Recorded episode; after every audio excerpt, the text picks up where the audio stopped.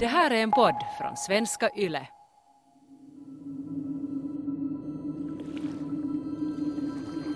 Det är tidig decembermorgon.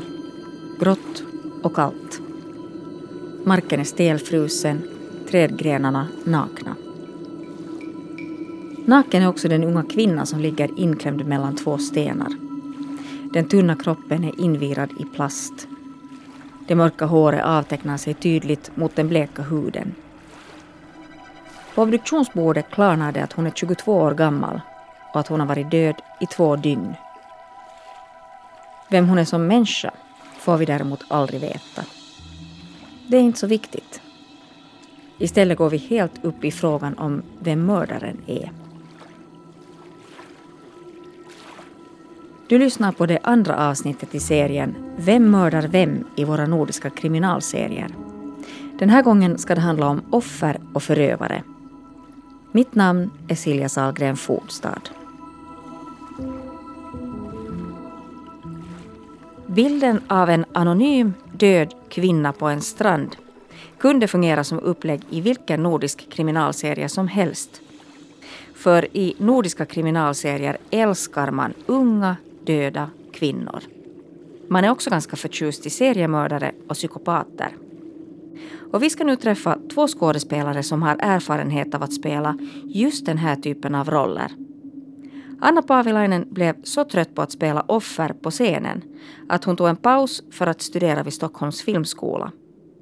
Och Sampo Sarkola har god koll på hur det känns att spela förövare.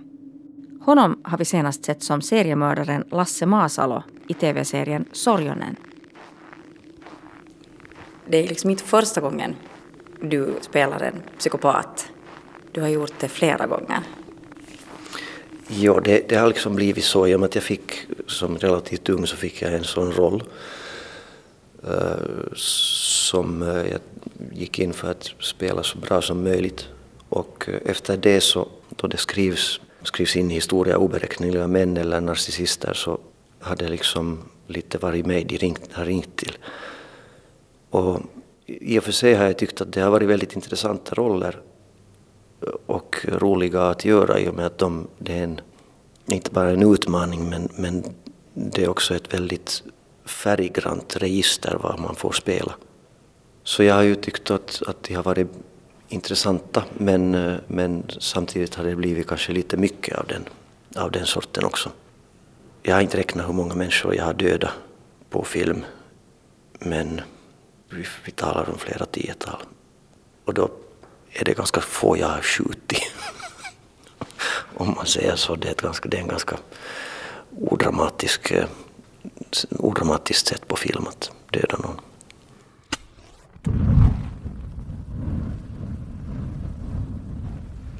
Hur är det emotionellt att spela den här typen av, av roller? Jag delar upp det i två olika. Det finns liksom fysiskt eh, våld, det som kanske är mera cirkus och eh, dans. Och sen finns det psykiskt våld som man, eh, beroende på vad författaren vill, så finns det ju saker som, som man måste göra i en sån scen som inte känns bra. Saker som du aldrig skulle dels göra på riktigt och som du kanske inte gärna heller vill leka med. Och ett exempel är våldtäkt, som är en handling som när man ska göra det på film så är det igen det här att kroppen ändå är liksom med. Även om du intellektuellt förstår att det här är bara på lek. Men det finns en intimitet i det och en nakenhet och när man öppnar så att säga för, för sådana känslor så, så är det ganska jobbigt.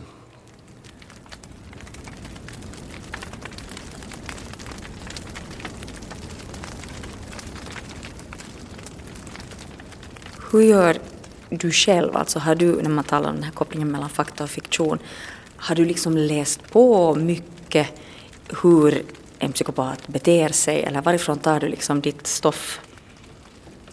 Jag har läst på om, om psykopater, tagit reda på i synnerhet för den första rollen som jag gjorde, men det är säkert 15 år sedan eller sånt, så läste jag ju en hel del. Och eh, vi lever också i en sån tid att, att psykopater har ju liksom blivit en trend. Och det har gått lite inflation på psykopater i tv-serier. Det finns, det finns hur mycket som helst av dem. Till och med så att jag tycker att, att det börjar bli lite för enkelt det vad som görs. Så jag har ja, studerat för att förstå vad jag håller på med. Och eh, vid något skede så blir man ju kanske lite eh, van vid det. Alltså jag skulle inte säga, våga säga att man blir kall för det, känslokall för att det, det vill man ju inte. Men, men, men man börjar att, att vänja sig vid hur mycket våld det finns i, i världen.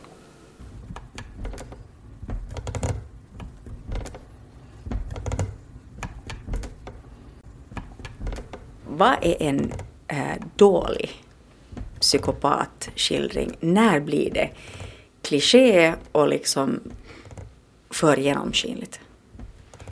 Den klichén som idag har setts allt för många gånger är att man har en vit man i kostym som är fåfäng och känslokall. Den karaktären, den, den kan inte mera, eller om någon kan utveckla den till någonting annat än så det kan man lyfta på hatten, men den, den karaktären har man, har man sett alldeles för många gånger. Bästa psykopaten då? Eh, den bästa psykopaten, nu, nu, det är ju smak, smaksak och jag kanske inte har sett alla, men alltså Hannibal Lecter eh, med Anthony Hopkins, den första filmen. Så det, det, var ju, det satte ju nog standarden för, för psykopater på film. Och den är fortfarande när jag tittar på den, eh, dels hur den är skriven men hur Anthony Hopkins spelar den, den är, den är genial. Den psykopaten fullständigt är i klass för sig.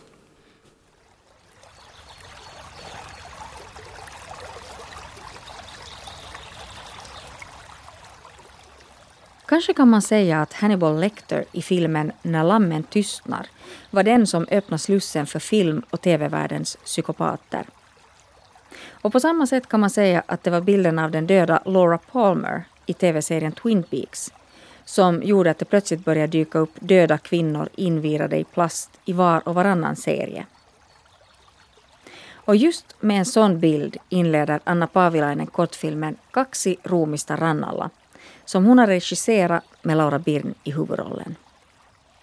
I början när vi skrev med Laura, eller när vi började liksom, nej, när vi började skriva så vi tänkte bara att okej, okay, att, liksom, att filmen handlar om en kvinna som måste leva med de egenskaperna som man oftast får kvinnorna i filmen. Just att kanske man kan inte prata alls eller man får inte liksom, om man har jätte, har liksom få kläder på sig och Alltså där Att man måste samtidigt liksom rädda världen typ.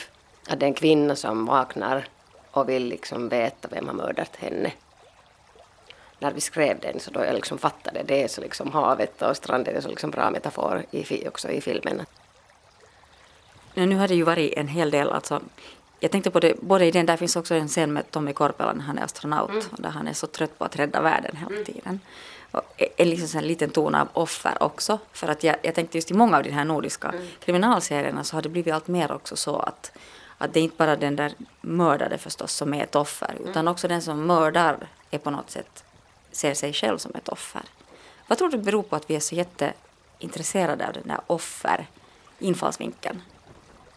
Kanske det liksom handlar om liksom individualismen bara. Att, att det liksom var liksom bäst för mig och jag är liksom var, det är bara liksom jag, jag, jag. Alla är så liksom intresserade av jaget. Men där i Kaksirumista rannalla det var lite sådär att alla är trötta till de liksom rollerna. Att, att alla är bara liksom, kan vi byta? Kan vi, kan vi byta? Typ, kan du komma hit och rädda världen så jag kan ligga där på stranden naken?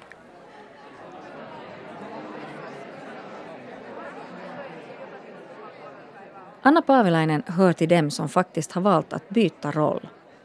Hon var en etablerad skådespelare i branschen och jobbade på Nationalteatern men kände hela tiden att det var någonting som skavde. Och när jag frågar om det finns ett specifikt ögonblick när hon kände att hon fått nog så svarar hon så här. Jag fyllde 30 och sen det var liksom okej okay, vad vill jag i livet och sådär och sen slutade på Nationalteater och började skriva skriva liksom ansökan till stipendiet och eh, då jag tänkte att jag vill skriva om skådespeleri överhuvudtaget. Och, och att hur som kvinna man måste kunna gråta mycket mer än manliga skådespelare. Och sen det blev liksom att jag, eller ja, det var en stund faktiskt, för att då, då vi satt med eh, Aina Bergroth på LavaKlubbi, för, för jag, jag sa till henne typ att, Ja, det är lite märkligt just att man, man eh, samtidigt, man måste vara liksom teknisk men samtidigt har liksom mycket emotion i skådespeleri och man måste gråta typ när man blir liksom våldtagen på scen. Och se, då fattade jag faktiskt att, att just det, det är faktiskt varför jag ville sluta skådespela.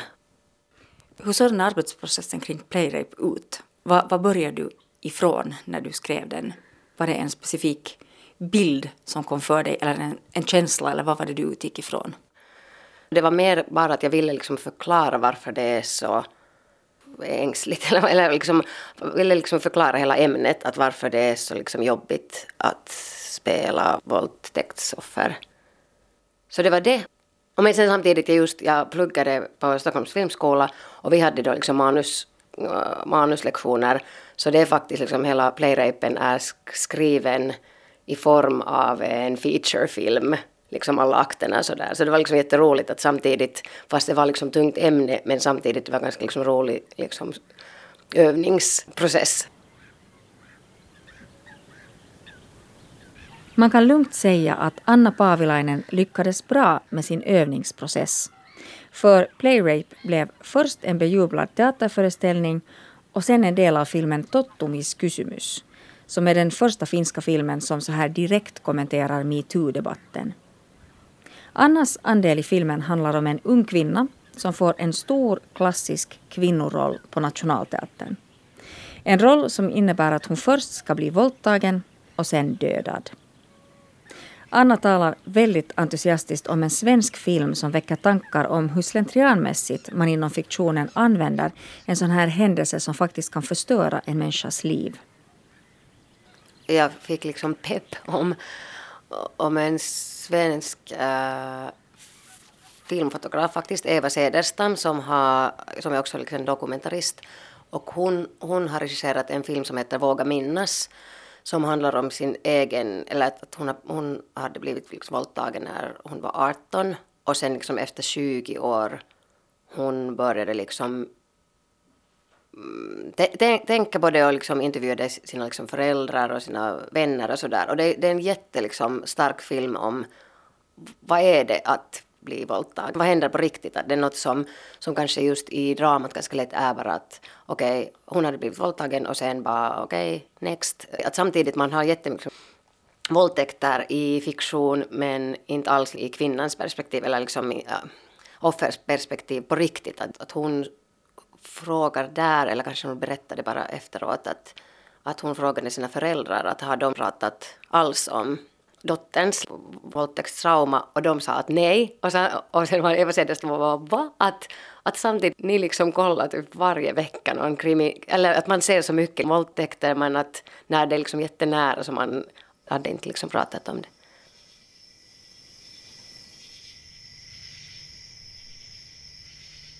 Jag tänker nu är det ju på något sätt ett system som föder sig själv.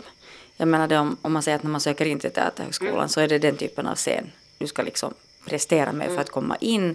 Och sen så är mycket av klassikerna som man spelar har den typen av innehåll och sen upprepar vi det hela tiden.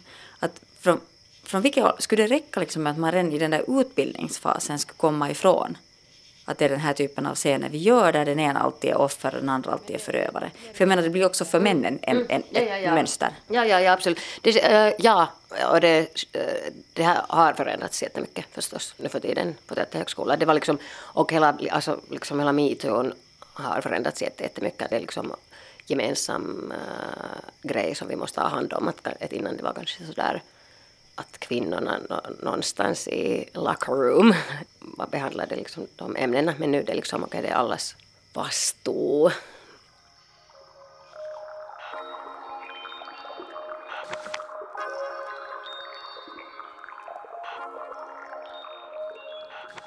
I kortfilmen Kaksi ruumista rannalla låter Anna Paavilainen huvudpersonen säga en replik som låter så här.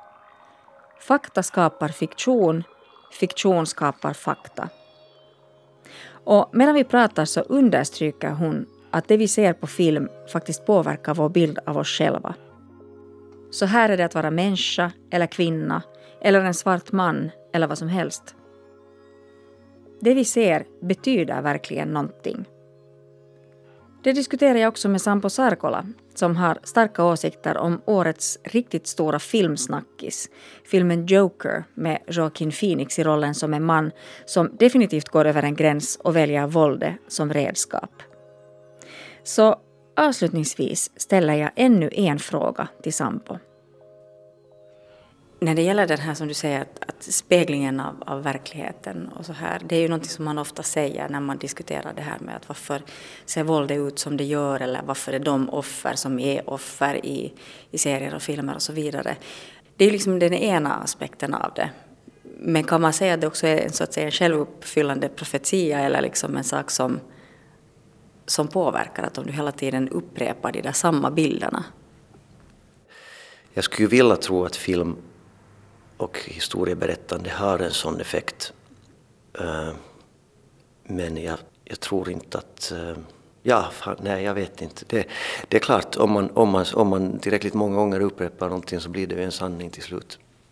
Det har vi ju sett.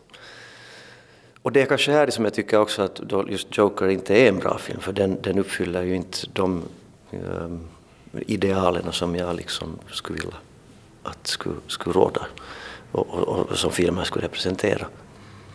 Det gör den inte. Eh, så jag, jag, nej, jag har inget svar. Jag märker att jag talar liksom kring den frågan för att jag, jag, jag vet inte. Där, där, jo, alltså jo, i och för sig, där så tror jag nog till exempel all den underhållning som handlar om reality-tv och, och den sortens historia som berättar, den tror jag definitivt påverkar och skapar äh, verkligheten. När man dessutom påstår att de här realityna är reality bara för att de är mm, människoexperiment så är de ju väldigt utstakade och, och, och skrivna till också med på förhand vad, vad, som ska ske och manipulerande. Och människor tror att det är en, en helt lösryckt, liksom, eller alltså en verklighet som, som finns liksom, som man bara filmar. Och det, så är det ju inte. Och det, jo, jo, det, det, och det påverkar ju populärkulturen och populärkulturen påverkar ju mina barn. Så att, ja, nu, om jag resonerar så här så skulle jag säga att jo,